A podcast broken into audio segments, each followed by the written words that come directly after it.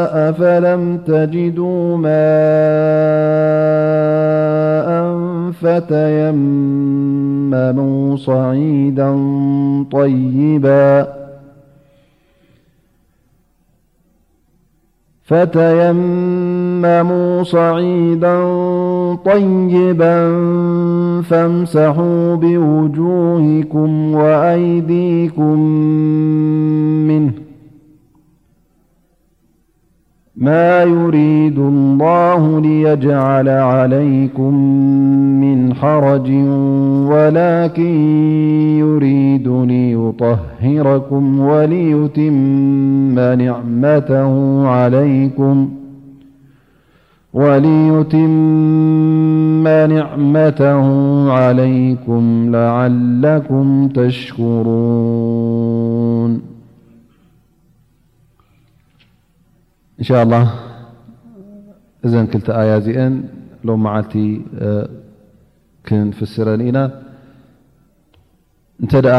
መሊእና ወዲእናየን ፅቡቕ እተዘየሎ እውን እንሻ ላ ተረፈ ኣብ ዝመፅ ዘሎ ሰሙን ንምልኦ ማለት እዩ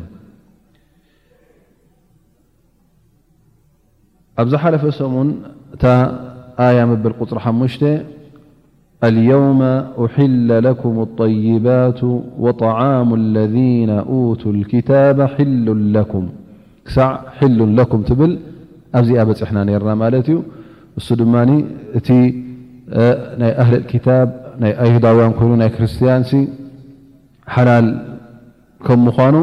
ግን እቲ ምስኡ ክማላእ ዘለዎ ቅድመ ኩነት ውን እቲ ረቑሒታት ውን ጠቒስና ነርና ማለት እዩ። ክሓርድዋ ከለዉ ብስም ኣላህ ክኸውን ከም ዘለዎ ካልእ ሽርካ ክገብርሉ ከም ዘይብሎም ኣብ ርእሲኡ ውን ንስእልን ንምስልን ወይ ከዓ ንኻልእ ዓይነት ኣምልኾት ኢሉ እተሓረደ ውን ክኸውን ከም ዘይብሉ ጠቒስና ነርና ማለት እዩ። ኣብዚ ጉዳይ እዚ ልክዕ ከም ኣስላማይ ንሶም እውን እንተ ንኣላህ ኢሎም ዘይሓረድዎ እንተ ምስ ኣላ ውን ካልእ ጠቂሶምሉ ቅቡል ከም ዘይኮነ ሓላል ከም ዘይኮነ ልክ ኣስላማይ እውን ላ ውን ላላ ላ ሙሓመድ ረሱላ እናበለ እንተ ምስ ኣላ ስብሓን ወተላ ካልእ ስም ዝዘክረሉ ኮይኑ እናሓረደ ከሎ ወይ ከዓ ንቀብርን ንስእልን ንምስልን ወይከዓ ንካልእ ጉዳያት ዝሓረዶ እንተ ኮይኑ እዚ እውን በትኪ ከም ምኳኑ ጠቒስና ነርና ማለት እዩ ስለዚ ክልተ ነጥቢ ኣሎ ማለት እዩ እቲ ቀዳማይ ነጥቢ እቲ ናይ ዓቂዳ እቲ ናይ እምነት ካልኣይ ነጥቢ ድማ እቲ እናሓረትካ ከለኻ እትብሎን ትንይቶን ማለት እዩ እቲ ብኣፍካ ትብሎን እቲ ንያኻን ይረአ ማለት እዩ እቲ ናይ ዓቂዳ እቲ ናይ እምነት ጉዳይ ኣላህ ስብሓን ወተዓላ ኣስላማይ ዝሓረዶ ሓላል ከም ምዃኑ ከምኡ እውን ኣህለል ክታብ ዝሓረድዎ መዓኑ እዞም ሰባት እዚኦም እቲ ኢማን ናቶም ከምቲ ናይ ኣስላማይ ቅኑዕ ኣይኮነን ግን ካብቶም ካልኦት ሙሽርኪን ኣላ ስብሓን ወተዓላ ፈልዩ ናይ ኣህለል ክታብ ሓላል ከም ዝገበሮ በዛ ኣያ እዚኣ መርትዖ ረኺብና ማለት እዩ ስለዚ ካልኦት እንተ ኮይኖም ንኣብነት እተ ሓደ ብሶሻሊዝም ዝኣምን እተ ኮይኑ ወላ ውን ካብዞም ሲክ ዝበሃሉ ዲን ዘሎ ወይ ከዓ ቡዲን ኣሎ ቡዳ ዝበሃሉ ኣለዉ ካልእ ዓይነታት በቢ ዓይነቱ ሃይማኖታት ኣሎ ብስእልን ብምስልን ወተንይን ዝበሃሉ ከምዚ ናይ እስልምናን ናይ ክርስትናን ቀንዲ ሃይማኖቶም ካብ ኣላ ስብሓን ወተዓላ ዘይወረደ ካልኦት ሃይማኖታት ዘለዉ እንተ ደኣ በዚ ዝኣምን ኮይኑ ወላ ብስሚላህ ተበለ ወላ እውን ሊላህ ኢሉ ተሓረዶ ቅቡል ኣይኮነን እዚ እቲ ሓደ ሸነኽ ማለት እዩ ብዛዕባ ናይ ኢማን ካልኣይ ሸነኽ እቲ ብዛዕባ ናይ ንያ ኢልና እቲ ንያ ድማ ን ስእልን ንምስን ኢልካ ክድሕረት ክኸውን የብሉን። እንተ እንታይ ደኣ ንዕኡ ንክበልዖ ኢሉ ዝሓርዶ ማለት እዩ። ወይ ከኣ ንሊላህ ኢሉ እንተ ሓሪድዎ ነዝር ነይርዎ እንተ ኮይኑ መብጽዓ እንተ ነይርዎ ኮይኑ እዚ ሕጂ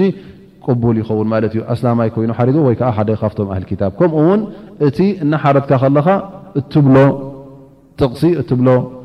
ዚክር ማለት እዩ ብስም ኣላህ ስብሓነሁ ወተዓላ ክኸውን ከም ዘለዎ ካልእ ሽርካ ከተእትወሉ ከም ዘይብልካ። እንተ ካልእ ሽርካ ኣእቲኻሉ ናትካን ናይቲ ካልእን ወላ ውን ናይቲ ሙልሒድ ናይቲ ኣረሜናዊ ብዲን ዘይኣምን ሰብ ውን ናቱን ናትካ ውን ዳርጋ ሓደ ኮይኑ በትኪ ኮይኑ ማለት እዩ እዚ በዚ ደምዲምናያ ነርና ማለት እዩ ናበይ ንሓልፍ ውን ጌና ብዛዕባ ኣህለልኪታብ ውን ጌና ካልእ ነጥቢ ክመፀና እዩ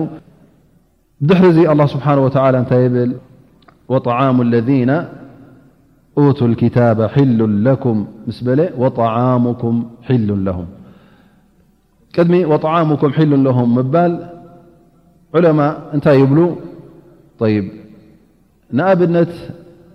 ኣብ ዲኖም ሓራም እንተ ኮይኑ ኣህል ክታብ ዝሓረዶ እዩ ግን ምናልባሽ ካብዚ ስጋ እዚ ኣብቲ ዲኖም ንኣብነት ኣምፅኦም ማለት እዩ ስብሒ ኣብ ኣይሁዳውያን ስብሒ ንኸይበልዑ ሕጂ ሓራም እዩ ንበሎ ከማ ዘከረ ላ ስብሓ ወላ ሽሑም ከም ዝሓርመሎም ጠቂሱልና ማለት እዩ ሃል ንዓናኸ እሶም እንተ ሓሪዶሞ እቲ ሽሑን ከ ሓራም ይኸውንዶ ወይስ ሓላልና ይኸውን? እሶም ሓራም እዮም ዝኣምንሉ ፈሃል የኩኑ ፊ ሓቅና ሓራመ ኣም ሓላለን ኢሎም ጠቒሶም ማለት እዩ ነዚ ጉዳይ እዚ ዘረጋግፅ ኣበይ ተመሊሶም ማለት እዩ ኣብ ሓዲ ናይ ነቢና ሓመድ صለ ه ለ ሰለም በተ ፊ صሒሕ ዓን ዓብዱላህ ብን ሙغፈል ቃል እድልያ ብጅራብን ምን ሸሓም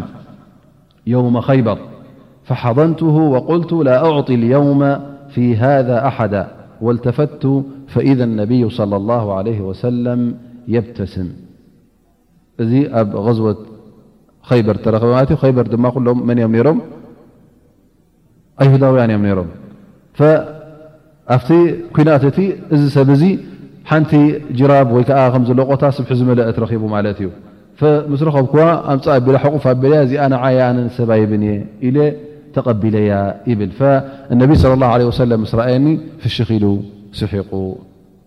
ይብል ፈልዑለማ ነዛ ሓዲት እዚኣ ክልተ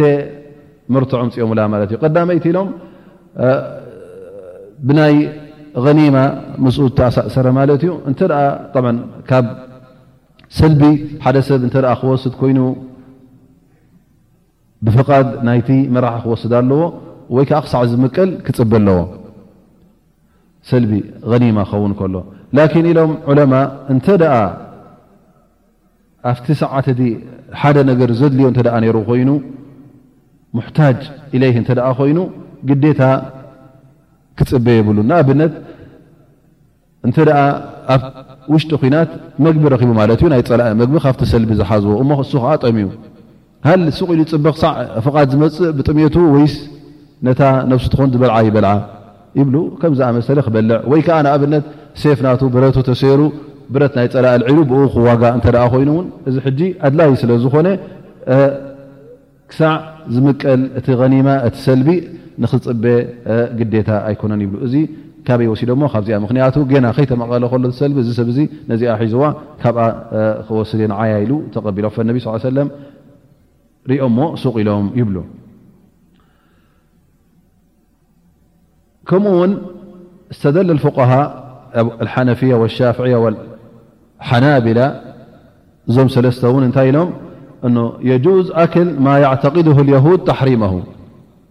እንተ ንሕና ሓላል ከም ምዃኑ እሶም እዮም ሳ ሓሪዶሞ እሶም ሕጂ ስብሒ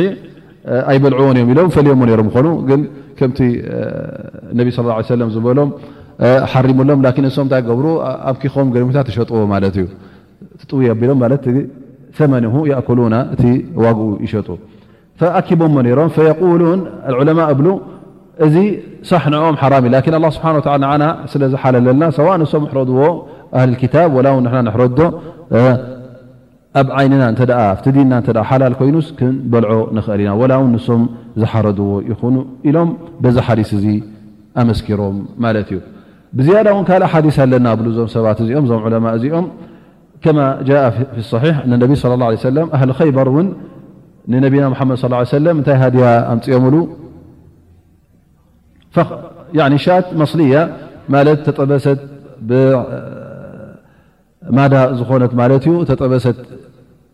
በጊዕ ኣቕሪቦምሉ። ብዝያዳ ድማ እቲ እነቢ ስ ላ ሰለም ዝፈትዎ ዝነበረ ዚራዕ ማለት ኢድ ስለ ዝኾነ ኣብቲ ናይ ኢድ ዝያዳ ስሚ ገይሮም ኣቕሪቦምሉ ማለት እዩ። እቲ ቀንዲ ሽቶ እንታይ እዩ ነይሩ ንነቢና ሓመድ ስ ሰለም ንምቕታል ነይሩ ማለት እዩ። እዚ ሃድያ ምስ ኣቕረብሉ እነቢ ለ ላ ለ ሰለም እቲ ሃድያኦም ተቐቢሉ ማለት እዩ። ፈናሃሻ ናሸተን ጥዒምዋ ኣብኣ ፍቕርብ ምሰበላ እታ ሓንቲ ክብላቶ ምስ ከለሰላ እዛ ኢድ እዚኣ ንነቢና ሙሓመድ ስ ሰለም ስሚ ከም ዘለዋ ትነግሮ ማለት እዩ ሽዑ ይገድፋ ግን ምስ ነቢና ሙሓመድ ስ ላ ለ ሰለም ዝነበረ ሓደ ብሽር እብኒ ኣልበራእ ዝበሃል ነይሩ እብኒ ማዕሩፍ እዚ ይመውት ፈእነቢ ስ ሰለም እውን ኣብ መጨረሻ ዕድሚኦም እቲ ቃንዛ ብዝያዳ ሽዑ ዝኣተወኒ ሕጂ ተፈሊጡኒ ኢሎም ስምዓኒ ሌሎም እቲ ክሞቱ ከለዉ ተፈሊጥዎም ማለት እዩ እዛ ሰብ እዚኣ ሓንቲ ዘይነብ ዝብልዋ ኣይሁዳዊት እያ ነራ እሳ ቀሪባትሎም እነቢ صለ ላه ለ ወሰለም ሕጂ ምስ ቀረበትሎም ሃል እቲ እስኹም ሓራም ትብልዎ ኣውፅእኩምሞ ዲኹም ወይስ ኣይውፃእኩምሞን ኢሎም ኣይሓተቱን እንታይ ደኣ ዝሓረትሎም ሃድያ ኢላ ምስ ኣቕረበትሎም እነቢ ስለ ላ ሰለም ተቐቢሎም በሊዖማ ስለዚ ስብሒ ይኹን ካልእ ነገር ይኹን ኣብ ውሽጣ ሓራም ዝብልዎ እንተ ኣ ኮይኑ ኣውፅኦሞ ድም ኣየውፅኡንሲ እነቢ ስ ሰለም ስለ ዘይሓተተ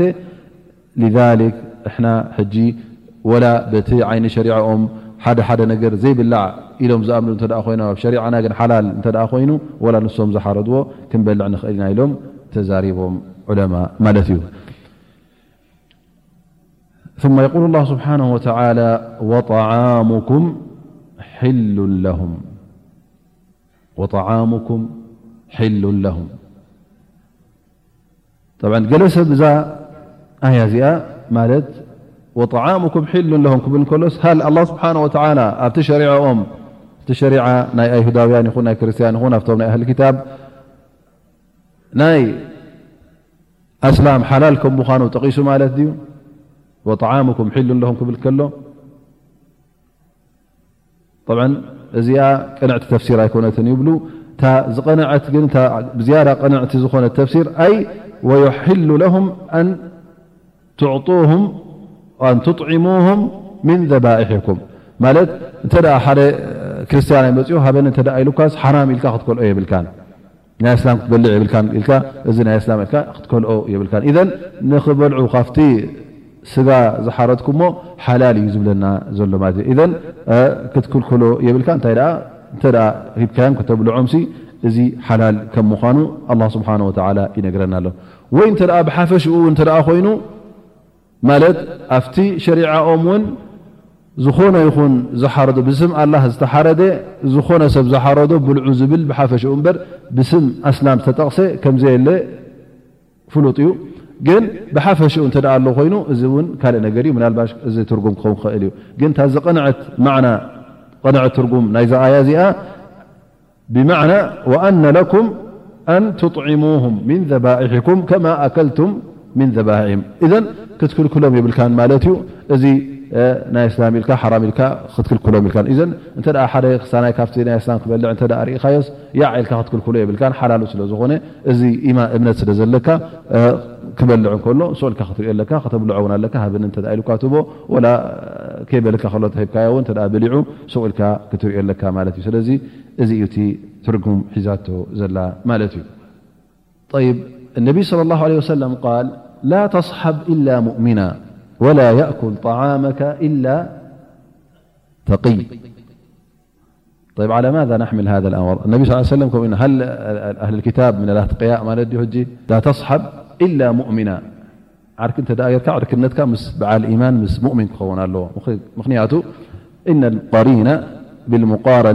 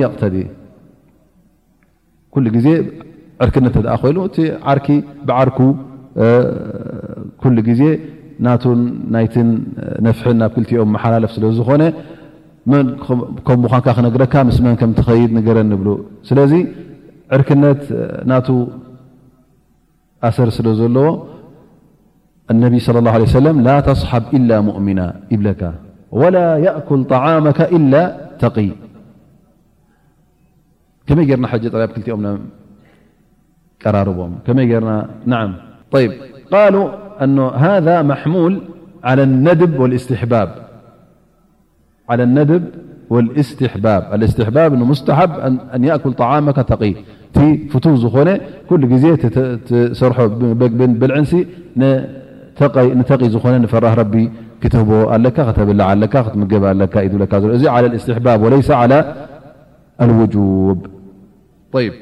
ثم يقول الله سبحانه وتعالى والمحصنات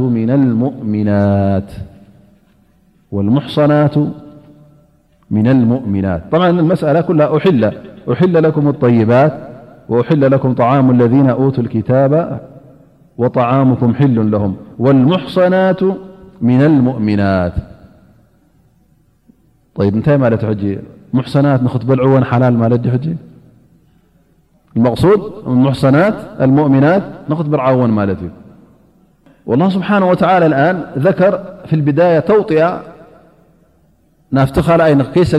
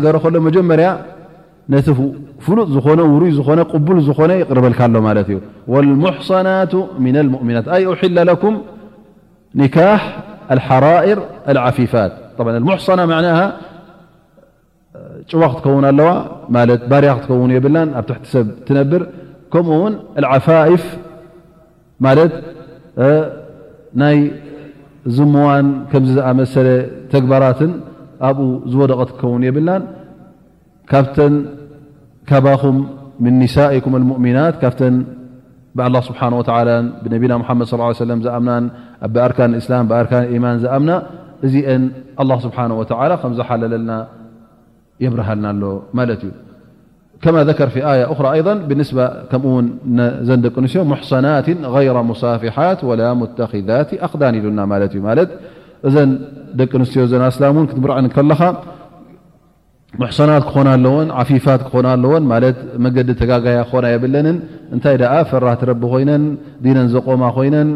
ኣብ ነብሰን ኣብቲ ክብረተን ኣብኡ ሰብ ዘየቕርባ ክኾና ኣለወን ከምኡ እውን እስኻ ክትቀርበን እንከለኻ ብቲ ኣላ ስብሓን ወተዓላ ዝሓገጎ መንገዲ ብናይ ሸሪዓ ብቕኑዕ ዓቕዲ ብሸሪዓዊ ዓቕዲ ጌርካ ክትቀርብ ኣለካ ደኣ እምበር ክትሕዘን ኣለካ ደኣ እምበር ብናይ ዝምዋ መንገድን ብናይ ውሽምነት ብኡ ክኸውን የብሉን ወይ ከዓ ብዕርክነት ክትራኸቡ የብልኩን ወላ እውን ኣስላመይቲ ትኹን እዛ ሰብ እዚኣ እንተ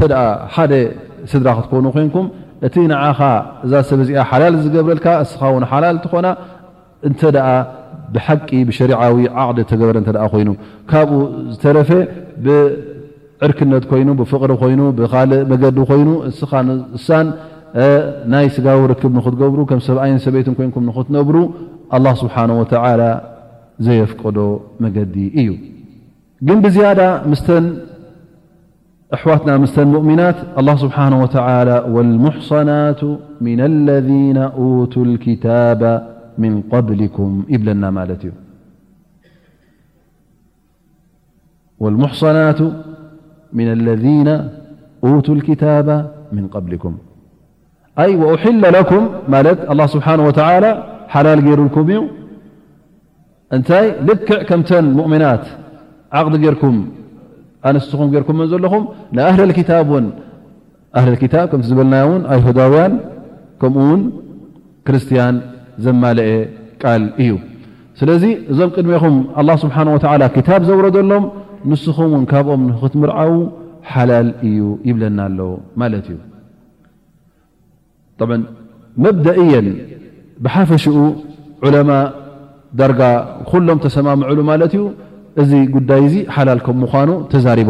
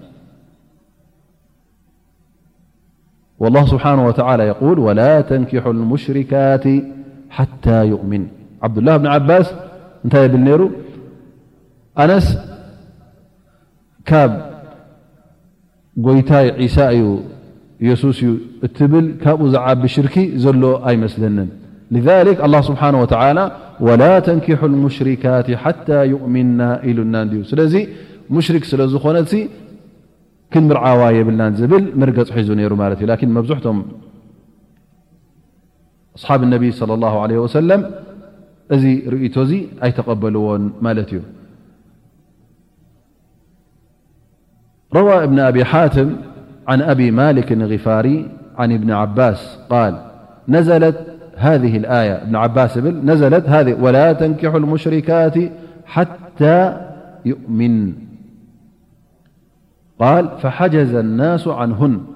أو فحجز الناس عنهن حتى نزلت الآية التي بعدها والمحصنات من الذين أوتوا الكتاب من قبلكم فنكح الناس نساء أهل الكتاب وقد تزوج جماعة من الصحابة من نساء النصارى ولم يروا بأسا في ذلك إذن ابن عباس يبل مجمر الله سبحانه وتعالى ية ولا تنكح المشركات حتى يؤمنت بالآية مس وردت كل أسلاميك أصحاب النبي صلى اله عليه وسلم ك كل المشركات تن عرب خنا كرستيان خنوهداويانينولهم جريفم نر ግን ኣላህ ስብሓን ወተዓላ ከም እንደገና እዛ ኣያ እዚኣ ወልሙሕሰናቱ ምና ኣለዚነ ኡቱ ልክታባ ምን ቀብሊኩም ምስ ኣውረደ ካብቶም ሙሽርኪን ኣላ ስብሓን ወተዓላ ፍልይ ኣቢሉ ንዕኦም ስለ ዘውፀአ እንታይ ይብሉ ካብቶም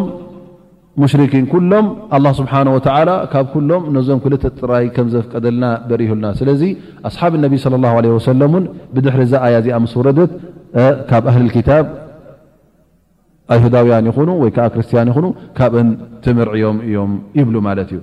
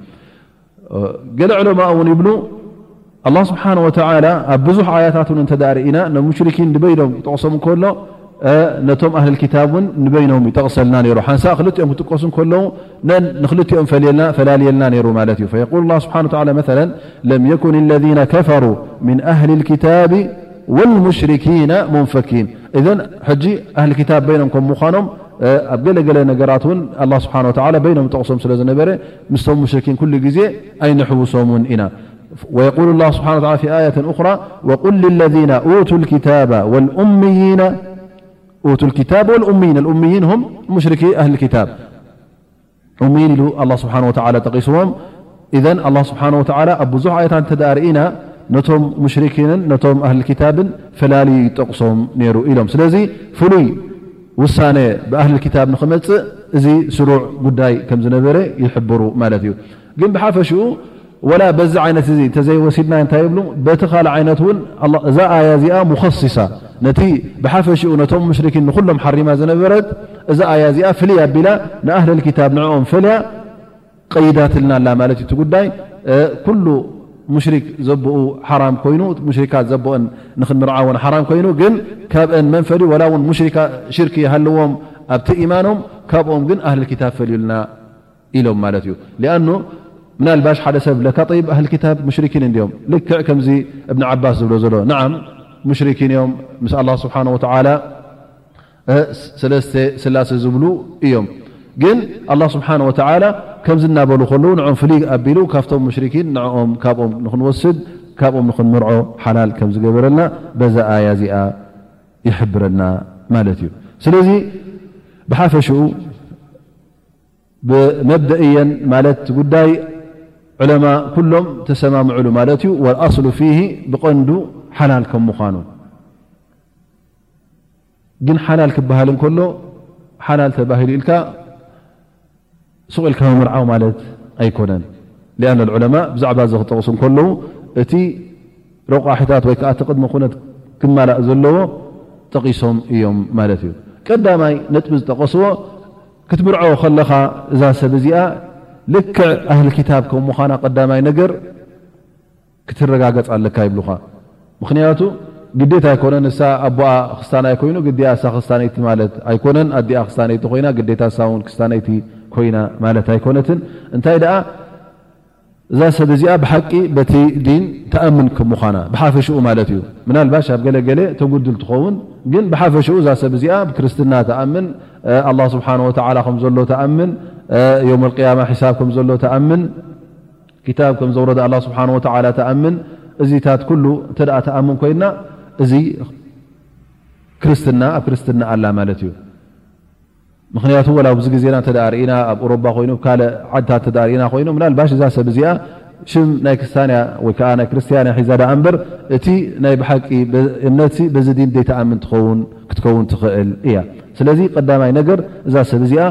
ኣብ ክርስትና ብሓቂ ቀጢላ በቲ ሃይማኖት ተኣምን ክትከውን ኣለዋ ይብሉ። ካልኣይ ነጥቢ ውን ኣን ተኩነ ዓፊፋ ወሙሕሰና ማለት ንየማን ፀጋም ትብል ክከውን የብላን ሸረፋን ክብራን ሓልያ ትኸይድ ክትከውን ኣለዋ እንተ ደኣ በዓልቲ ዝሞዋን በዓልቲ ላዕልን ታሕትን የማን ፀጋም ትብል እተ ኮይና እዛ ሰብ እዚኣ ፈፂምካ ክትቀርባ የብልካን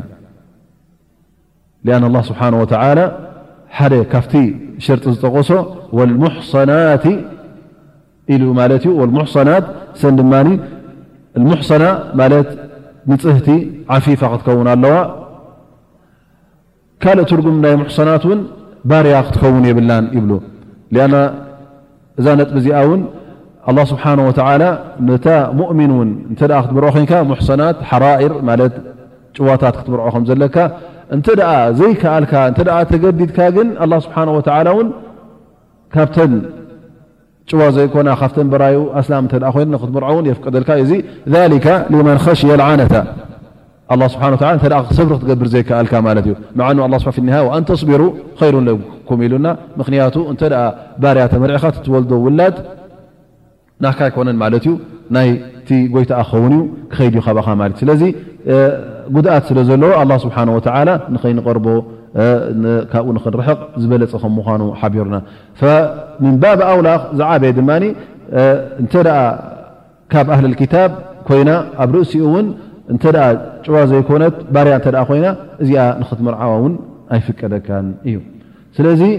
ክልተ ትርጉም ዝሓዘ ክኸውን ማለት ዩ ሙሕሰናት ቀዳማይ ነገር ጭዋ ክትከውን ኣለዋ ካልኣይ ነገር ድማ ዓፊፋ ክትከውን ኣለዋ ማለት እዩ ነው ነጀው ዘይትብል ግልፅ ምልፅ ዘይትብል ማለት እዩ እዚ ጉዳይ እዚ እውን ሕጂ እተ ክንሪኦ ኮይና ኣብዚ ግዜና ዘሎ ብሕልፊ ምናልባሽ ቀደም ኣብቲ ሃገር ኣብቲ ቅድሚ ክንደይ ዓመት ዝነበረ እንተ ርእና ምናልባሽ እዚ ጉዳይ እዚ ደሓን ነይሩ ክንብሎ ንኽእል ማለት እዩ ምኽንያቱ ወላ እውን ኣብቲ ህብረተሰብ ናይ ክርስትና እንተ ርእና ሓንቲ ጓል እንተ ጥባሓ ፀኒሓ ትፅረፍን ኣድጊ ሰቒሎም መልስዋ ስለ ዝነበሩ መብዝሕቱ ኣብቲ ህብረተሰብ ዝነበረ ነዚ ጉዳይ እዚ የኽብርዎ ነይሮም ማለት እዩ። ህብረተሰብ ናይ ክርስትና ኣብ ዓድና ዝነበረ ጓል ኣንስተይቲ ክትምርዖ እንተ ኮይና ኩሉ ግዜ ብክር ክትፀንሕ ከም ዘለዋ እዚ ኣብቲ ህብረተሰብ ዝነበረ ማለት እዩ። እንተ ምስቲ ሕጂ ኣብ ኦሮባ ዘሎ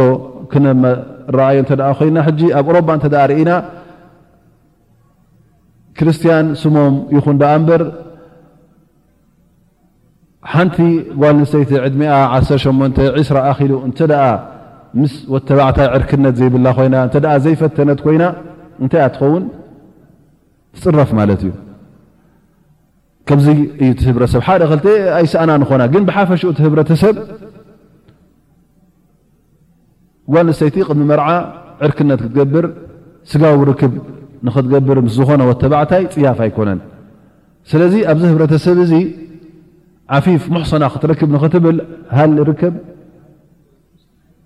ዝርከብ ኣይኮነን። ኣይኮነ ዶ ቅድሚ እስኻ ከይረከብካያ ከለኻ ዓፊፋ ኮይና ክትፀንሓካ እስኻ ምስ ተመርዓኻያ እውን የፍርሃካ ማለት እዩ ምስቲ ዝለመደቶ ህብረተሰብ ምስቲ ዘሎ ኩነታት እንተ ክትሪኦ ኮንካ እቲ ህብረተሰብ ንገዛእ ርእሱ ባዕሉ ኣብ ሕማቕ ነገር ኣብ ጥፍኣት ኣብ ጌጋ ዝደፋፍእ ስለ ዝኾነ እዚ ሕጂ ንገዛእ ርእሱ ክጎድኣካ ይኽእል እዩ ስለዚ እቲ ካልኣይ ሸርጢ ዝበልናዮ እዚ እዩ ማለት እዩ ሙሕሰና ክትከውን ኣለዋ ሙሕሰና ቅድሚ እስኻ ምርዓውካን ድሕሪኡ እውን ሙሕሰና ክትከውን ኣለዋ ስለዚ ዘማዊት ክትከውን የብላን ምክንያቱ ወላ ብዕርክነት ኮይኑ ኣነ እዛ ዓርከይላ ምስ ክትከይድ ከላ ብሽም ናይ ዝምውና ኣይቕርብልካ ዳኣ እበር ትገብሮ ዘላ ስራሕ ዝምውና ዚና እዩ ዝበሃል ሽሙ ዕርክነት ይሰመ ሽሙ ውሽምነት ይሰመ ሽሙ ካልእ ይሰመ እዚ ኣላ ስብሓን ወተዓላ ዚና ስለ ዝበሎ ካብ ሸርዒ ወፃኢ ኮይኑ ብሕጋዊ ብዕላዊ ዘይ ቅቡል ዘይኮነ ተግባር ስለ ዝኾነ ስጋዊ ርክብ ብዘይ ዕላዊ መገዲ ትገብር ስለ ዘላ እዛ ሰብ እዚኣ እንታይ ትኸውን ማለት እዩ ዘማዊት እያ ፅብፀብ ኣይን ኣብ ርእሲኡ እውን ካልእ ሸርጢ ዘምጽዎ ዑለማ ይብሉ እዛ ሰብ እዚኣ ውን ኣላ ተኩን ምን ቆውም ፊ ሓለት ሓርብ ኣብ ኩናት ዘለኻ ምስኦም ክትከውን የብላን ማለት እንተ ህብረተሰብ እስልምና ብሓደ ሸነኽ ኮይኑ እሳ ምስቶም ህብረተሰብ ክርስትያን ኮይና እተ ኣብ መንጎኹምን ኣብ መንጎኡምን ኩናት ኣሎ ኮይኑ ካብዞም ሰባት እዚኦም ክትምርዖ የብልካን እዚ ነጥብ እዚ ድማ ብዝያዳ እብኒ ዓባስ ኣረጋጊፅዎ ማለት እዩ ምክንያቱ እዛ ሰብ እዚኣ ቀዳማይ ነገር ንዓኣ ተመርዒኻያ እንተ ምሳኻ ክትነብር ኮይና እዛ ሰብ እዚኣ እንታይ ከም ትስርሕ ኣይትፈልጥን ኢኻ ምናልባሽ ናቶም ጃሱስ ኮይና ናቶም ዓይኒ ኮይና ንዓኻ ትጎድእ ንህብረተሰብካ ትጎድእ ትኸውን ሓደ ነጥቢ ካልኣይ ነጥቢ እዛ ሰብ እዚኣ እውን እንተ ውላድ ወሊዳ እውን ንዓዳ እተ ሒዛቶም ኮይና ካብኡ ኣብኡ እተ ካብቲ ዲንካ ኣውፅኣ ኣኸስቲናቶም ወይከዓ ኣይሁዳውያን ጌራቶም እውን ካብኡ ንክትመልሶም እስኻ ክለት የብልካን ስለዚ ደቅኻ ውን ሒዛትልካ ክትጠፍእ እያ ማለት እዩ ስለዚ እንተ ከምዚ ዓይነት ኣሎ ኮይኑ መንጎኹምን ኣብ መንጎኣን እተ ኩናት ኣሎ ኮይኑ ውን ካብኡ ክትምርዖ የብልካን ይብሉ እዚ ሰለስተ ንፁር ነጥብታት ይኸውን ማለት እዩ ግን ብዝያዳ ድማ ራብዓይ ነጥቢ ኣሎ ማለት እዩ እዚ ራብዓይ ነጥቢ ድማ ምሰና ኢኻ ክትረኣዮ ምስ ኩነታት ዘሎ ምስ ግዜ ትረኣዮ ማለት እዩ ይብሉ ኣላ ተኩነ ሁናከ ፊትና ኣው ضረር ሙተሓቀቅ ዓለ ዘውጅ ኣው ኣኣብናእ ዓለ ዘውጅ ኣው ዓለ ኣብናእ ማለት ኣብ ርእሲ እዚ እውን ክትሪኦ ዘለካ እዚ መርዓ እዚ እዚ መውሱበ እዚ ኣብ መንጎኻን ኣብ መንጎኣን ዝግበር ዘሎስ እንታይ ዓይነት ጉድኣት ከም ዘማልእ ሃል ጉድኣት ኣለዎ ድዩ ንዓኻ ይኹን ንደቅኻ ወይ ፊትና ማለት ከኣ ፊትና ማለት ከኣ ኣብ ዲንካ ዝፈትነካ ማለት እዩ ካብ ዲንካ ንዓኻ ኣብ ዲንካ ዘጉድለልካ ኣሎ ድዩ ወይ ከዓ ንደቅኻ ንዲኖም ዝትንክፈሎም ጉዳይ ኣለዎ ድዩ የብሉን ክትርኢ ኣለካ ወይ ጉድኣት ካልእ ዓይነት ጉድኣት ኣብ ዲን ዘይኮነ ወይ ከዓ ኣብ ካልእ ጉዳይ ክኸውን ይኽእል ማለት እዩ ሓደ ካብዚ ነጥብታት ይብሉ ኣብ ትሕቲ እዚ ዝኣቱ ማለት እዩ እቲ ጉድኣት ዘምፅእ ንኣብነት እንተ ካብዞም ሰባት እዚኦም ምብርዓው እንተ ክብዝሕ ኮይኑ ሰብ ካብአን ብዝያዳ ንክወስድ እንተ ዝጓየ ኮይኑ እዚ እንታይ ከምጽእ እዩ እተን ኣሕዋትካ እተን ኣስላም ወይ ከይተመርዓዋ ክተርፋ ማለት እዩ እዚ እውን ሓደ ጉድኣት እዩ ወይ ክዝምዋን መገዲ ክጋገያን ማለት እዩ ኣ ወዲ ሰብ ወዲ ሰብ እዩ ንስኻ ተኣስሮ ይኮንካ ወይ ከዓ ንሶም ክምርዓዎን እዮም እቶም ኣህሊ ክታብ ቶም ኣብኦም ክኸዳ ማለት እዩ እዘ ሰለስተ ጉድኣት ከምፅእ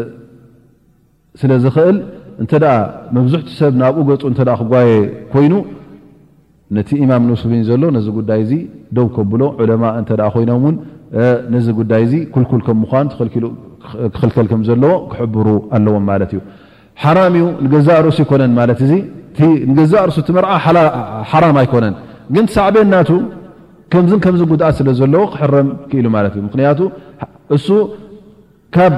ኦም ንምርዓው ሃል ዋጅብ ድዩ ዋጅብ ኣይኮነን እንታይ ደኣ ሙባሕ ወልሙባሕ ኢዛ ኣዳ ኢላ ሙሓራም ሙባሕ ተባሂሉ እንተ ናብ ሓራም ዘስግር ኮይኑ ሓራም ኸውን ማለት እዩ ስለዚ እዚ ሓደ ካብኡ ማለት እዩ ኣይደን ካብቲ ነጥብታት ኣብዚ ግዜና ዝረኡ ዘሎ ማለት እዩ ቀደም ኣብ ግዜ ነቢና ሙሓመድ صለ ላه ለ ሰለም ወይ ከዓ ውን ክሳዕ ዝቐረባ ግዜ እውን እንተዳርኢና ወላ ውን ኣብቲ ናይ ሃገርና እተዳርኢና እንተ ደኣ ሰብኣይን ሰበይትን ተመርዕዮም ሓላፍነት ናይ መን እዩ ናይ ሰብኣይ እዩ ሰብኣይ ይብል ሰብኣይ ይሓድግ በዓል ገዛ ንሱ እዩ ንሱ ይእዝዝ ንሱ ደቁ ደቀ ዮም ኢሉ ድላዮም ይገብሮም ተደልዩ ቁርን የቕረቦም ተደልዩ ቤት ትምህርቲ ሰዶም እሱ ከም ድላዩ ኣነባብያ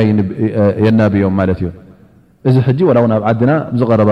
ክሳዕ ዝቀረባ ግዜ ዝነበረ ማለት እዩ ሕጂ እንታይ ከም ዘሎ ኣላ ኣለም ግን እንተ ደኣ እዛ ሰብ እዚኣ ወይ ብትምህርታ ልዕሌኻ ጸብለልነት ዘለዋ ኮይና ንሳ ኣብ ክንዲ ሰብኣይ እስኻ ዳርጋ ሰበይቲ ኮይንካ እሳ ትእዝዘሉ እንተ ኮይና ዝገዛኸ እሳ ድላያ ትገብር ተደልያ ነዞም ቁልዑ ድላያ ትሰዶም ከም ደልያ ተዕብዮም ተደልያ ቤት ትምህርቲ ተእትዎም ካብቲ ቤት ትምህርቲ ናብቲ ቤት ትምህርቲ ተመሓላልፎም ሰብኣይ እንታይ ተረኪቡሉ ኣክር መን ያዕለም እንተ ኮይኑኸ እዚ ሕጂ እንታይ የምጽእ ኣሎ ጉድኣት ናብቲ ዲን ናብቶም ቆልዑት የምጽእ ኣሎ ማለት እዩ ወይ እውን ኣለዉ ሰብኡት ሰበይቱ ዝበለቶ ጥራይ ዝገብር ትስቱስ ዝብል ማለት እዩ ትእዛዝ ሰበይቱ ዘኽብር እንተ ከምዚ ዓይነት ሰብኣይ ኮይኑ እውን ነዚ ሰብኣይ እዚ እዛ ጓል ኣንሰይቲ ንፍዕቲ እንተ ኮይና ሒዛቶ ክትጠፍእ እያ ምክን ካብቲ ዲኑ እውን ናብቲ ዲና ትስሕቦ ማለት እዩ ግን እቲ ኣላ ስብሓን ወተላ ሓላል ክብሎ ከሎ ትእዛዝ ሓላፍነት ቅዋማ ዝበሃል ኣብ ኢድመን እዩ ነይሩ ኣብ ኢድ ሰብኣይ ነይሩ መብዝሕቲ እውን ጓል ኣንሰይቲ ኣብቲ ቅድሚ ሕጂ ንፈልጦ እውን ኣብ ዓድና ውን ነሮም ክርስትያን ተመርዓዉ ተደኣ ርኢና መብዝሕትኡ እታ እንታይ እዩ ዝኸውን ነይሩ ንሳ ተመስልም ነራ ወላ እውን እንተ ደኣ ዘይመስለመት ኣብ መንጎ ተበቲኑ እቶም ደቂ ንመን እተርፉ ነይሮም ሰብኣይ ኣ እዚ እቲ ናይ ህብረተሰብ ባህሊ ስለ ዝነበረ ውላድ ናብ ኣቦኦም እዮም ዝኸዱ ነይሮም እበረ እዚኦም ኣነ ውላድ እዮም ኢላ ደቂ ፉናና ኢላ ናብኣ ተልግቦም ኣይነበረትን ዋላ ናብ ኣቦኣ እውን ኣይተልግቦምን እያ እቲ ባህሊ ናይቲ ዓድና ዝነበረ ማለት እዩ ወላ ንሳ ስም ናይ ክርስትያን ንዕኦም ነቶም ደቃ ትምረፀሎም ኣቦኦም ግን ኩሉ ግዜ ናብ ወላ እውን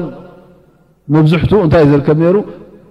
ወደ ኣቦኡ ስለ ዝኾነ ስም ናይ ኣስላም እያ ትገብረሉ ነይራ ናብ ኣቦኡ ስለዝለግብ ኩሉ ግዜ ኣብቲ ሕጊ እውን ኩሉ ግዜ እተ ወላ ውን ብሓራም እተ እዚ ሰብ እዚ ረኺብዋ እንታይ እዩ ዝሕተት ንዓ ወድኻ ውሰድ ንዓ ተቐበል እዮም ዝብልዎ ነይሮም ማለት እዩ ወድኻ ቀልብ ወድኻ ሓዝ ይበሃል ነይሩ ማለት እዩ ወላ እውን ብሓራም ረኺብዋ እንከሎ ማለት እዩ ስለዚ ትባህሊ ከምዚ ነይሩ ማለት እዩ ግን ኣብዚ ግዜ እዚ ተዳርእና ብሕልፊ እቲ ኣብ ሮባ ማለት እዩ እቲ ናይ ሮባ ሕጊ እውን በብቕሩብ ናባና ይመፅእ ኣሎ ማለት እዩ ንስኻን ንሳን እሳ ዝያዳኻ እንተዘይኮይና እንተ ሓመቐ ክልቴኹም እንታይ ኢኹም ማዕረ ኢኹም ኣብ መብዝሕቱ ነጥብታት እውን እሳ ፀብለልትነት እያ ተርኢ ማለት እዩ ኣብ ናይ ውላድ እተ ኮይኑ ስኻ ንሳ ተባኢስኩም መብዝሕቱ ግዜ ንመን እዮም ድብዎም ነታ ኣዲኦም እዮም ዝብዎም ማለት እዩ ንሳ ክትናብዮም ዘላ ንሳ ትዕብዮም ብሉካ ማለት እዩ ስለዚ እንተ ከምዚ ክርከብ ኮይኑኸ እቲ ቅዋማ ዝበሃል ዝጠፍኣሉ እዋን እንተድኣ ኮይኑ ማለት ንስኻ ነዞም ደቅኻ ክተዕብየሎም ከም ድላይካ ዘይትኽእል ኣሎ ካብቲ ሕቶታት ገለ ኣሕዋት ዘቕረቡለይ ኣይኮነን ዶ በቲ ዲና ብክርስትናኣ ክትነብርሲ ገሊአን ኣመስሊምና ኢለን ይምርዓወን ማለት እዩ ሰ ከላስ ኣነ ኣመስሊመ ኢላ እሱ ኣመስሊማ ኢሉ ይዋሳብ ማለት እዩ ከምዚ ተባሂሉ እንከሎ ምስ ወለዱ ክልተ ሰለስተ ምስ በፅሑ ወይ እሳ ጸሊኣ ኮይኑ ወይ ንሱ ጸሊእዋ ኮይኑ ገለ ተረኺቡ ይፋትሑ ምስ ተፋትሑ እንታይ ይርከብ ሕጂ እሳ እንታይ እያ ትገብር ኣብቲ ናይ ቀደም መዓስከር እያ ትምለስ ለኣኑ ኣስለን እቲ ናይ ኢማን ጉዳይ እንታይ እዩ ነይሩ ናይ ሌላህ ኣይነበረን እዛ ሰብ እዚኣ ደስ ኢልዋ ዝሰብ እዚ ፈትያቶ ትኸውን ኣፍቂራቶ ትኸውን ኣስለን ናይ ቅድሚ ሕጂ እውን ምስኣ ዝነበረ ዲን እውን ሱቕ ኢልካ ዲን ኣይኮነን ነይሩ ናይ ብሓቂ እምነት ኣይኮነን ነይሩ ስለዚ ምእንቲ ፍቕሪ ኢላ ነቲ ሒዛቶ ነበራ ራሕጢጣቶ ከይዳ ማለት እዩ ሕጂ እውን ፅልኢ ምስ ተረኸበ ምእንቲ ፅልኢ ኢላ ናብቲ ዝነበረቶ ትምለስ ማለት እዩ እዚ ምስ ተረኸበ እዛ ሰብ እዚኣ እቶም ደቁ ኣሕዲጋቶም ትኸይድ ማለት እዩ እዚ ሰብ እዚ እንታይ ይገብር ዝብል ሕቶ ኢዘን ሕጂ እንታይ እየ ዝርእየና ዘሎ እቲ ጉድኣት ዝመፅእ ዘሎ እንተ ኣብዚ ከምዝኣመሰለ ህብረተሰብ ኣላ ኮይንካ ደቅኻ ከምድላይካ ክትናብዮም ዘይተኽእል ደቅኻ እሳ ክትሕድገካ እትኽእል እተ ኮይኖም ደቅኻ ደቅኻ ዘይኮኑ እተ ኮይኖም እንታይ ክኸውን ኣለዎ ክተርፍ ኣለዎ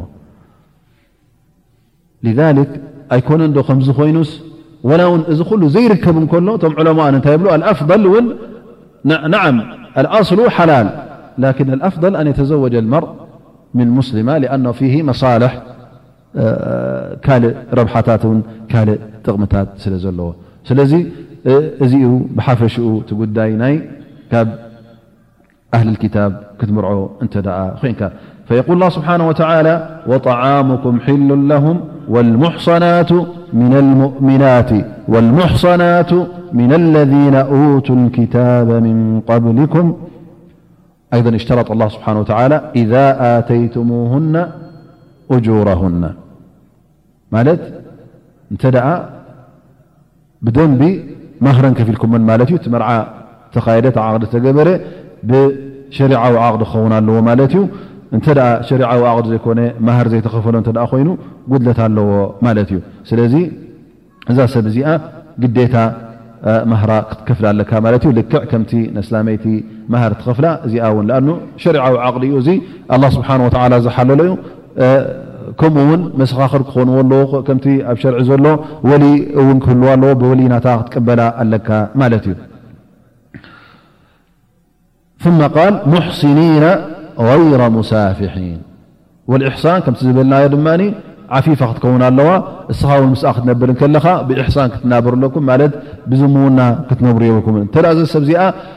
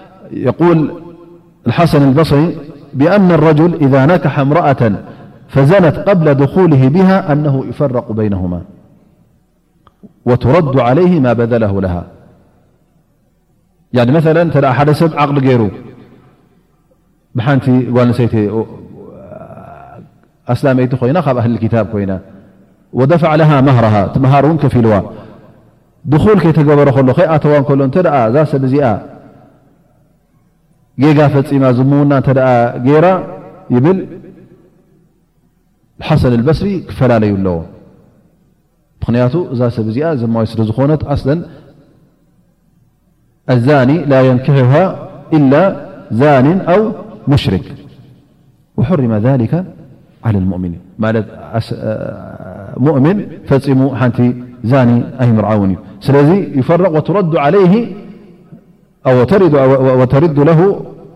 ማ ኣንፈቅ ማለት እቲ መሃር ዝኸፈሎ እውን ይጠልቦ ማለት እዩ ምክንያቱ እዚ ሰብ እዚ ሓንቲ ንፅህትን ፅሪትን እዩ ደልዩ ዳኣ እንበረ ናይ ሱቂላ ካብ ደገ ወይ ከዓ ካብ ናይ ሽርሙጥናን ካብ ካልእ ቦታን ትመፅእ ኣይደለየን ኢዘ ሙሕስኒና غይረ ሙሳፍሒን ወላ ሙተኪዚና ኣክዳን ከማ ኣን ላ ስብሓን ወላ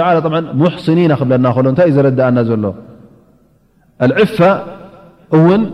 ጥራይ ኣብተን ደቂ ኣንስትዮ ኣይኮነትን ትጥለብ ኣይን ፊ ረጁል ሙሕሲኒን ኣንቱም ኣይን ከምኡ ውን ወተባዕታይ ምዘን ኣህል ክታብ ኮይኑ ብዝያዳ ብ እቲ ኣህል ክታብ ዝመፅ ዘሎ ምስአን እንተ ክረኻኸብ ኮይኑ ምስአን ዓቕዲ ክገብር ኮይኑ እውን እቲ ኣብ መንጎን ኣብ መንጎኦም ዘሎ ርክብ ናይ ዝሞዋ ክኸውን የብሉን። ምኽንያቱ እዚ ጉዳይ እዚ ንኣብነት ይረእ ነይሩ ዋላ እውን ኣብቲ ሃገርና ገለ ገለ ሰባት ተጋግዮም ውሽምነት መብዝሕቶም ይሕዙ ነይሮም ወይ ከዓ ብዙሓት ይሕዙ ነይሮም መብዝሕቶም ከይበልና ብዙሓት ተጋግዮም ውሽምነት ውሽምነት ክሕዝ ከሎ መብዝሕቱ ምስተን ክርስትያን እዮም ዝገብሩ ነይሮም ማለት እዩ። ዕርክነት ገይሩ ውሽምነት ገይሩ ሽማ ኣለዎ ካብኣ ይወልድ ማለት እዩ። ገለ ገለ ኣንስቲ ውን ኣብ ክንዲ ሰብኣይኪ ተመርዒልኪ ዝብልዋ ውሽምነት ሒዙልኪ ዝብልዋ ይሕዛ ማለት እዩ ሹፍ እቲ ጃህል ዝነበረ ማለት እዩ ኣብ ክንዲ ብሓላል ካልኣይቲ ሳልሰይቲ ፀመር ዘምፅኣለይ ትብለካ ኸሊ ባዕሉ ፈልጥ ውሽምነት ሒዙ ዘይዳሕራይ ክምለስ እዩ ትብለካ ላኪን እቲ ዝገብሮ ዘሎ ዓብዪ ዘንብን ጌጋን ዓብዪ ወንጀልን ንዕኡ ትርስዖ ማለት እዩ እዚ ድማ ጌጋ ነጥቢ ይኸውን ማለት እዩ ስለዚ ኣላ ስብሓን ወተዓላ እቲ ኢሕሳን እቲ ዒፋ እቲ ሸረፍ ዝበሃል እዚ ጉዳይ እዚ እዚ ክብሪ እዚ ጥራይ ተን ደቂ ኣንስትዮ ኣይኮነን ካብአን ዝጥለብ ወዲ ተባዕታይ እውን እሱ እውን ካብዚ ነገር እዚ ንፁህን ፅሩይን ክኸውን ኣለዎ ወየቁል غይረ ሙሳፊሓት ወላ ሙተኪዛት ኣክዳን ዝምውና ክልተ ዓይነት እዩ ማለት እዩ እመ ስፋሕ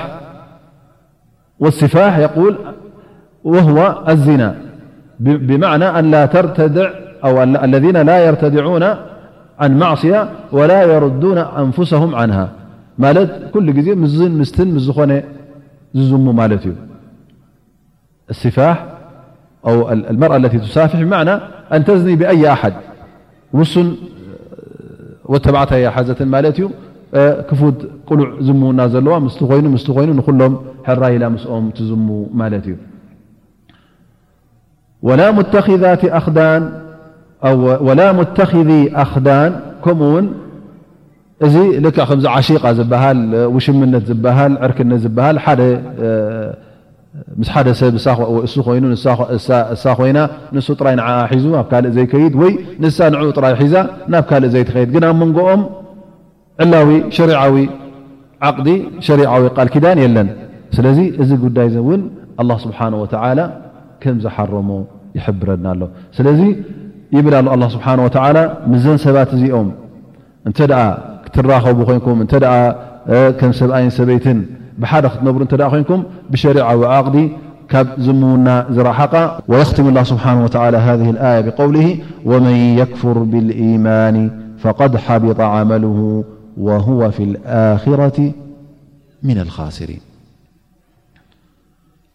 يكفر باليان الله سنه ولى ذ غسلنانغسلنان الإيمان كل إيمان هلكل هل يتعلق بالقلب فقطل إذن الإيمان قول باللسان وعمل بالجوارح إضافة إلى كونه تصديق بالجنان سلذي ቀዳማይ ነገር ኣን ትእሚን ብኣነ ማ ኣሐለሁ ኣላሁ ሓላል ወኣን ተዕተቂደ ብሂ እዚ ቀዳማይ ነገር ማለት እዩ ስለዚ እንተ እስኻ ብግሉፅ ጓል ኣንስተይቲ ጓል ኣህል ክታብ ካብ ኣህል ክታብ ንክትምርዖ ሓራም እዩ እንተ ትብል ኮይንካ ወይ እዚ ዓይነት ኢማን እተ ኣለካ ኮይኑ ኣብኡ ከሎ ብኣስሉ ብቀንዱ እዘን እነክ ልኣን ጋዕድ ተሩድ ማኣመረ ላሁ ብሂ ግን እንተ ከምዝን ከምዝን ሳዕቤን ስለ ዘለዎ እዝን ስን ሳዕቤን ስለ ዘለዎ ኢሎም ዑለማ እንተ ሓሪሞ ሞ እዚ ካልእ ነጥቢ ይኸውን ማለት እዩ ምክንያቱ ብቐንዱ ይኮነን ዝሕርሞ ዘሎ እንታይ ደኣ ነቲ ሳዕቤናቱ ስለ ከምዝን ከምዝን ዝኾነ ኣብ ዲንካ ኮይኑ ኣብ ነብስኻ ኮይኑ ኣብ ውላድካ ኮይኑ ከምዝን ከምዝን ከምዝን ጉድኣት ስለ ዘለዎ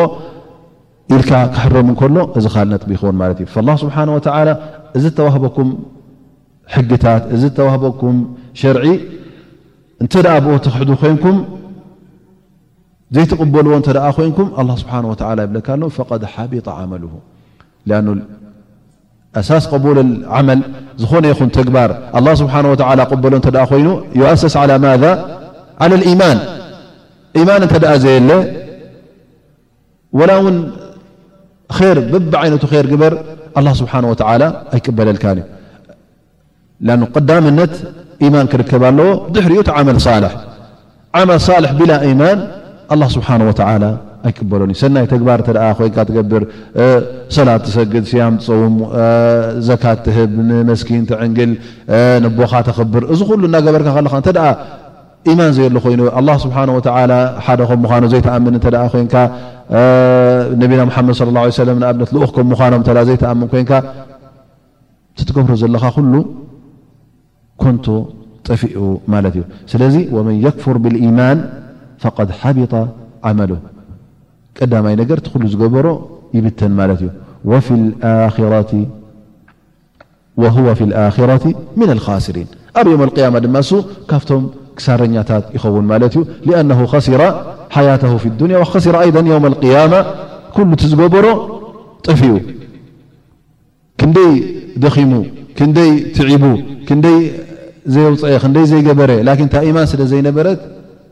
ኣብ ሽርክ ስለ ዝነበረ ኣብ ክሕደት ስለ ዝነበረ እቲ ኩሉ ገለገለ ሰባት ሕጂ እውን ግብረ ሰናይ ዘይገብር ብጀካ ኣስላማይ የለን ክንብል ኣይንኽእል ኢና። ኣስላማይ ግብረ ሰናይ ይገብር እዩ። ካልኦት ካብ እስልምና ወፂኦም እንከለዉ ኣህሊ ክታብ ይኹኑ ወላ ሙሽሪኪን ይኹኑ እውን ኣብ ገለ ገለ ነገራት ሰናይ ነገራት ይገብሩ እዮም። ላኪን እዚ ኩሉ ሰናይ ዝገብርዎ ዘለዉ ኣላህ ስብሓን ወተዓላ ፈፂሙ ይቅበሎን እዩ። ሊማዛ ኢማን ስለ ዘየለ ስለዚ እዚ ሰብ እዚ ዝኩሉ ዝገብሮ ዝነበረ ኣብ ዮም ልቅያማ ቅቡላ ስለ ዘይኮነ ከሲሩ ማለት እዩ ረብሓ ኣይረክበሉን እዩ ነዚ ኩሉ ዝገበሮ ፃማ ኣይረክበሉ እሞ እዚ ኩሉ ትዒብካ እ ፃማ ዘይትረክብ ኮንካ ከሲርካ ማለት እዩ ወፊ ኣክረት ወ ፊ ኣክረት ምን ልካሲሪን ኢዘን ናብታ እዛ ድሕሪኣ ዝመፀት ኣያ ናብኣ ንሰግር ማለት እዩ ያ ኣዩሃ ለዚና ኣመኑ ኢዛ ቁምቱም ኢለ ሰላት ትብል ማለት እዩ እሳ እውን ሓንቲ ኣያ እንሻ ላ እዚኣ ድማ ጠብዓ ናይ ጉዳይ ውዱእ ጥቅስ ኣያ ስለ ዝኾነት ኣገዳሲት ኣያ ትኸውን ምኽንያቱ ምስ ሰላት ካ ተኣሳሰረት ስለ ዝኾነት ኣስላማይ እውን ኩሉ ግዜ ኣብ መዓልቲ ሓሙሽተ ሻዕ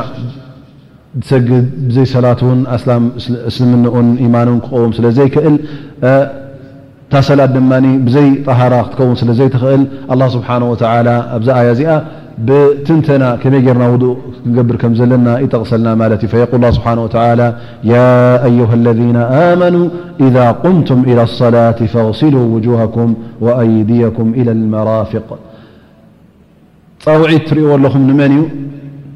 ንሙእሚን ማዕናሃ ዘይሰግድ እዛ ኣያ እዚኣ ንዑ ትጽውዖ የላን ማለት እዩ ትጽዋዕ ዘሎ መን እዩ ሙእሚን እዩ ኢዘን ካን ኣላ ስብሓን ወተዓላ እንታይ ይብለና ኣሎ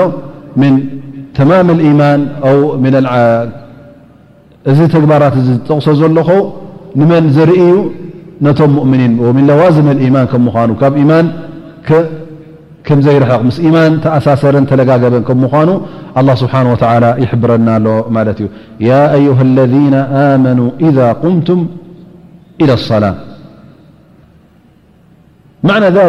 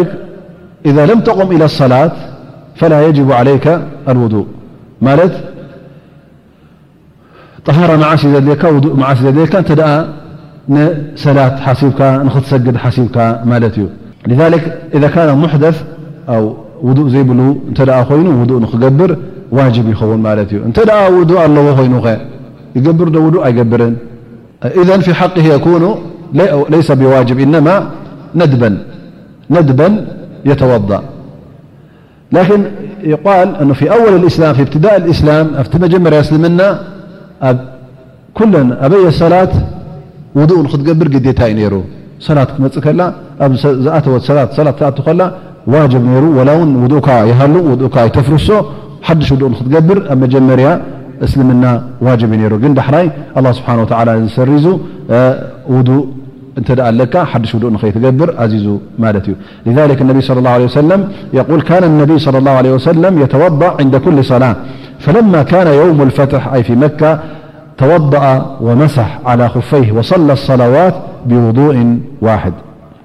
فقال له مرعمر بن الخطابت يا رسول الله إنك فعلت شيئا لم تفعله أو لم تكن تفعله قال إني عمدا فعلته يا عمر ፈሊጠ እየ ገይረዮ ነቢ ስ ላ ሰለም ቀደም ምስ ዝኾነት ሰላት ውዱእ ገብሩ ነይሮም ግን ኣብ ዓመል ፈትሒ መካ ምስ መፁ ብሓንቲ ውዱእ ኩለን ሰለዋት ሰጊዶመን መስሕ ገይሮም ከማን ማለት ንእጋሮም ወይከዓ ንጫምኦም ገሪዞሞ ይብል ማለት እዩ እዘን እዚ ሓድሽ ነገር ኮይኑ ተሰሚዕዎም ሰይድና ዑመር እብን ኸጣብ ያ ረሱላ ላ እንታይ ሓድሽ ነገር ገይርካ ኢሉ ኣነስ እዚ ጉዳይ እዚ ፈሊጠ እየ ገይረዮ ሸርዓዊ ከም ምዃኑ ንኽትፈልጡ ኢሉ እነቢይ ሶለ ላሁ ዓለይሂ ወሰለም ይሕብሮ ማለት እዩ። ሊዛሊክ ሓደ ካብቶም ኣስሓብ እነቢይ ዓብዱላህ ብኒ ዑመር ኩሉ ግዜ ሰላት ክትመፅእ ከላ ድማ ውዱእ ገብር ደጋግም ነይሩ።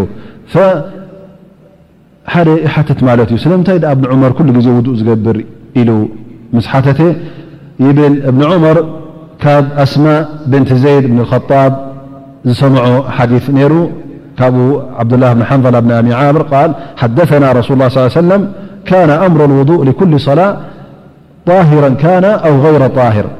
فلما شق عليه أمر بالسواك عند كل صلاة لت النب صلى ليه سلم مجمر م طهر لل لا لوضء ر لنر ابن عمر ن دي تختل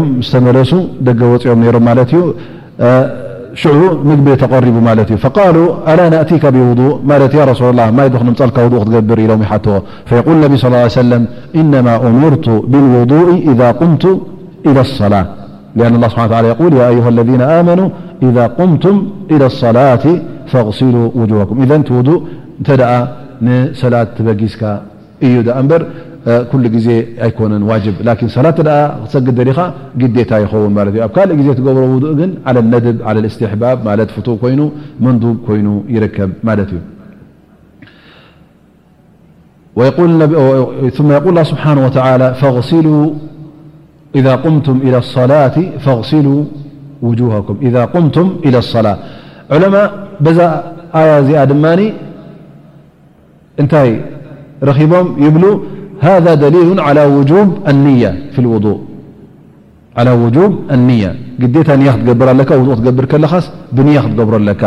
ምኽንያቱ ንኣብነት ሓደ ኢዱ ረሲሑ ማለት ዝሰርሕ ነይሩ ብ ገዛ መፅኡ ኢዱ ሕፅብ ሕፅብ ኣቢሉ ገፁን እግሩን ርእሱን ተተሓፀበ ሃል ውዱእ ገይሩ በሃል ኩሉ እቲ ናይ ውዱእ ነገር ገይርዎ እዩ ላኑ ኣሰንተን ቀንዲ ቀንዲ እንታይ እየን ገፅካ ክትሕፅብ ፀጉርኻ ክትደርዝን እግርኻን ኢድካን እተ ሓፂብካ ተን ቀንዲ ጌርካያን ማለት ተን ፈርዲ ማለት እዩ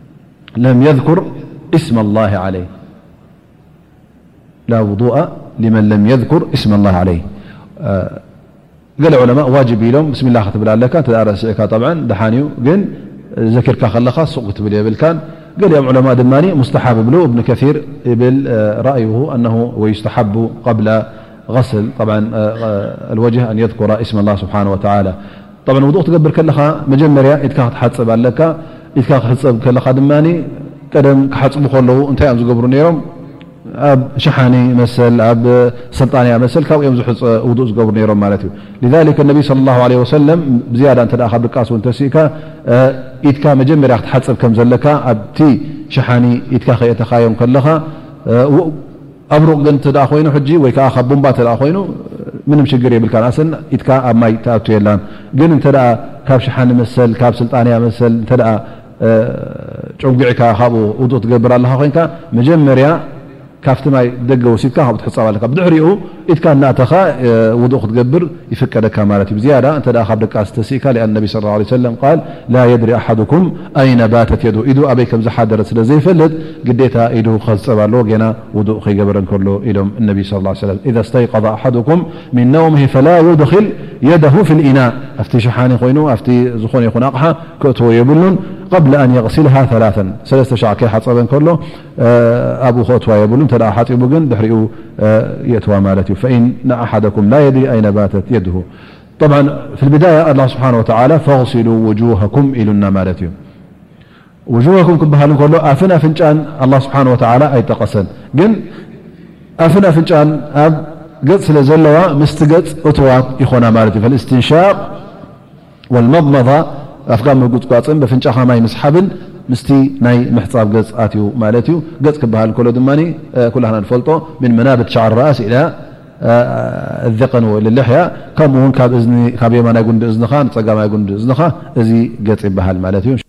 ከማ ቁልና ፈግሲሉ ውጁሃኩም ኣብዚኣ በፂሕና ማለት እዩ ገፅ ካበይ ናበይ ከም ዝጅምር እውን ጠቒስና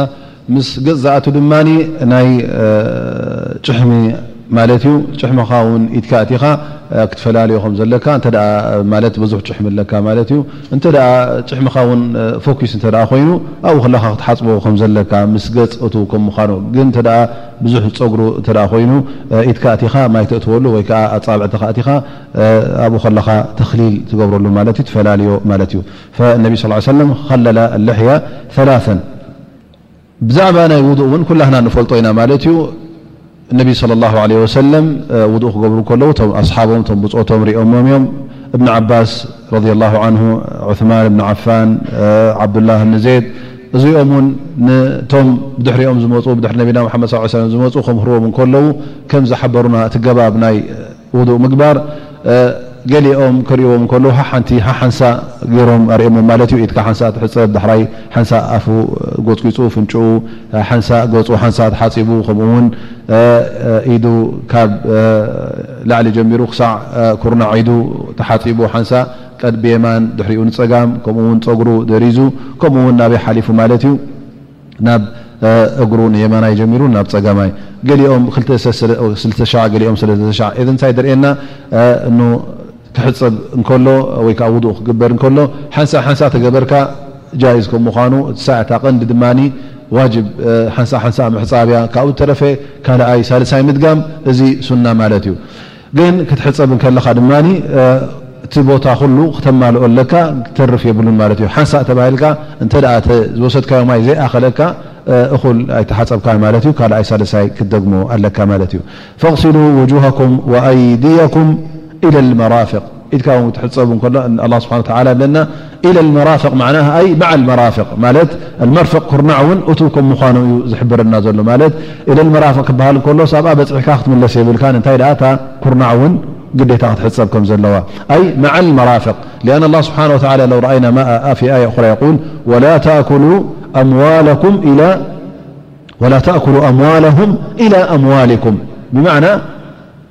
መዓ ኣምዋልኩም ምስቲ ገንዘብኩም ገንዘቦም ሓዊስኩም ኣይትብልዕዎ እዩ ዝብለና ዘሎ ኢዘን ኢላ ብማዕና መዓ ትመፅእ ኣላ ማለት እዩ ምስ ማለት እዩ ክሳብ ጥራይ ማለት ኣይኮነን ካብዚ ክሳብ ክትብላ ግን ኣብዚ እንታይ ትኸውን ኣላ ምስ ትኸውን ኣላ ትርጉማ ማለት እዩ ማለት ኣእዳውኩም ምስ ኩርናዕ ኢድኩም ሕፀብዎ ማለት እዩ ኢዘን ኩርናዕ እቱ ይኸውን ማለት እዩ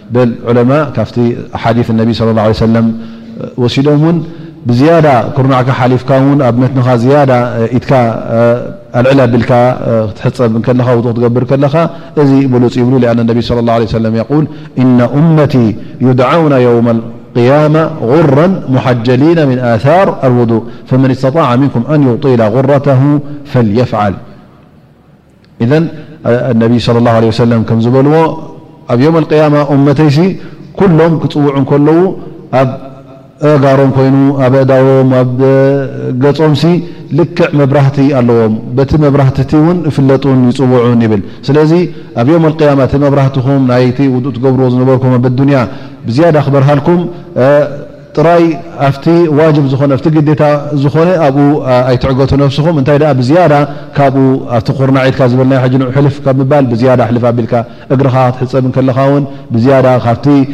ዓንካር ዓካሪትካ ልዕል ኢልካ ዝያዳ ክትሓልፍ እንከለኻ እዚ ዝያዳ ንዓኻ ኣብ የውመል ቅያማ ነቲ መብራህትን ነቲ ብልጫን ዝርከብ ብዝያዳ ትረኽቦ ማለት እዩ።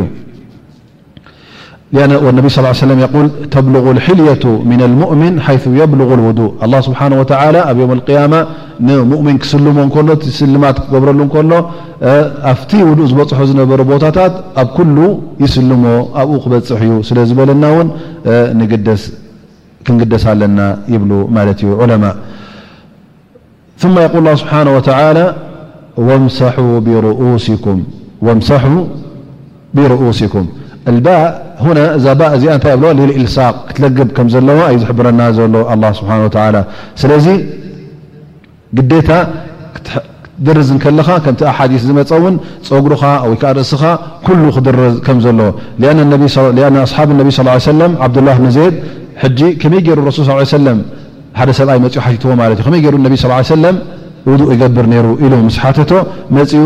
ሰሰለስተ ሰሰለስተ እና ሓፀበ ኣብ ርእሱ ምስ በፀሐ ነዛ ርእሱ ክደርዛ እንከሎ ብመጀመርያ ብቕድሚት መጺኡ ክሳዕ ድሕሪት ከይዱ ብመቕደመ ራእሲ እንደገና እውን ንኢዱ ወይ ከዓ ነታ ደረዛ እውን እንደገና ንቕድሚት ከም ዝመለሳ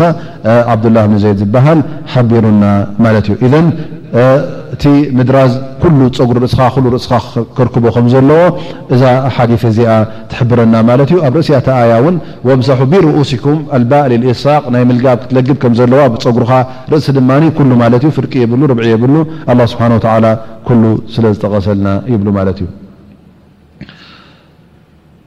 ወኣርጁለኩም ኢለ ልካዕበይን ኣርጁለኩም ኢለ ልካዕበይን ከምኡ እውን እግርኹም ትሕፀቡ ከለኹም ክሳዕ ዓካር ዓካሪትኩም ክበፅሕ ከም ዘለዎ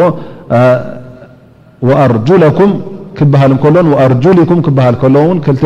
ቕራእ ኣለዋ ይብሉ ዑለማእ ብኽልቲኡ ተቐሪኤን እየን ክልቲኡ ክቕረኣ እንከለዋ ወኣርጁለኩም ማዕነ ዛሊክ ኣን ኣላ ስብሓን ወተዓላ እግርና ክንሓፅብ ከም ዘለና ክሕፀብ ከም ዘለዎ ይሕብረና ኣለዉ ማለት እዩ እዚ እውን ረድ ዓላ መን ዓላ ራፊዳ እቶም ሺዓ ዝብልዎ እግሮም ንሶም ኣይሓፅቡን እዮም እንታይ እዮም ዝገብሩ ሕጂ እግሮም ይደርዙ ላኪን ሃذ ልቅራኣ ትትቢት ኣስል ኣና ኣስል ሁዋ ኣልغሱል እግሪ ክሕፀብ ከም ዘለዎ ማለት እዩ ላኪን እታ ካልይቲ ቅራኣ እንታይ ትጠቕመና ማለት እዩ እኑ እግርኻ እንተ ጫማ ለቢሱ ኮይኑ ወይ ከዓ ካልሲ ዝለበሰ እንተ ኮይኑ ክትደርዝ ከም ትኽእል ትሕብር ማለት እዩ ግን ጫማ ዘይብልካ ካልሲ ዘይብልካ ከሎ ኣብኡ ከላ ክትደርዝ ግን ማይ ጁዝ ኣይፍቀድን እዩ ሊኣኑ እቲ ሓዲስ ዝመጸ ነቢ ሰለላሁ ዓለይሂ ወሰለም እውን እቲ ዝደርዝዎ ዝነበሩ ኣብ ግዜ ክኽደኑ ከለዉ ጫማ ኮይኑ ኹፍ ዝበሃል ኮይኑ ከምዚ ዝኣመሰለ ወይ ከኣ ካልሲ ኮይኑ ነዚ ክኽደኑ ከለዉ እዮም ዝደርዙ ደኣ ነይሮም እምበር ኣብኡ ክፉት ከሎ እግሮም ፈጺሞም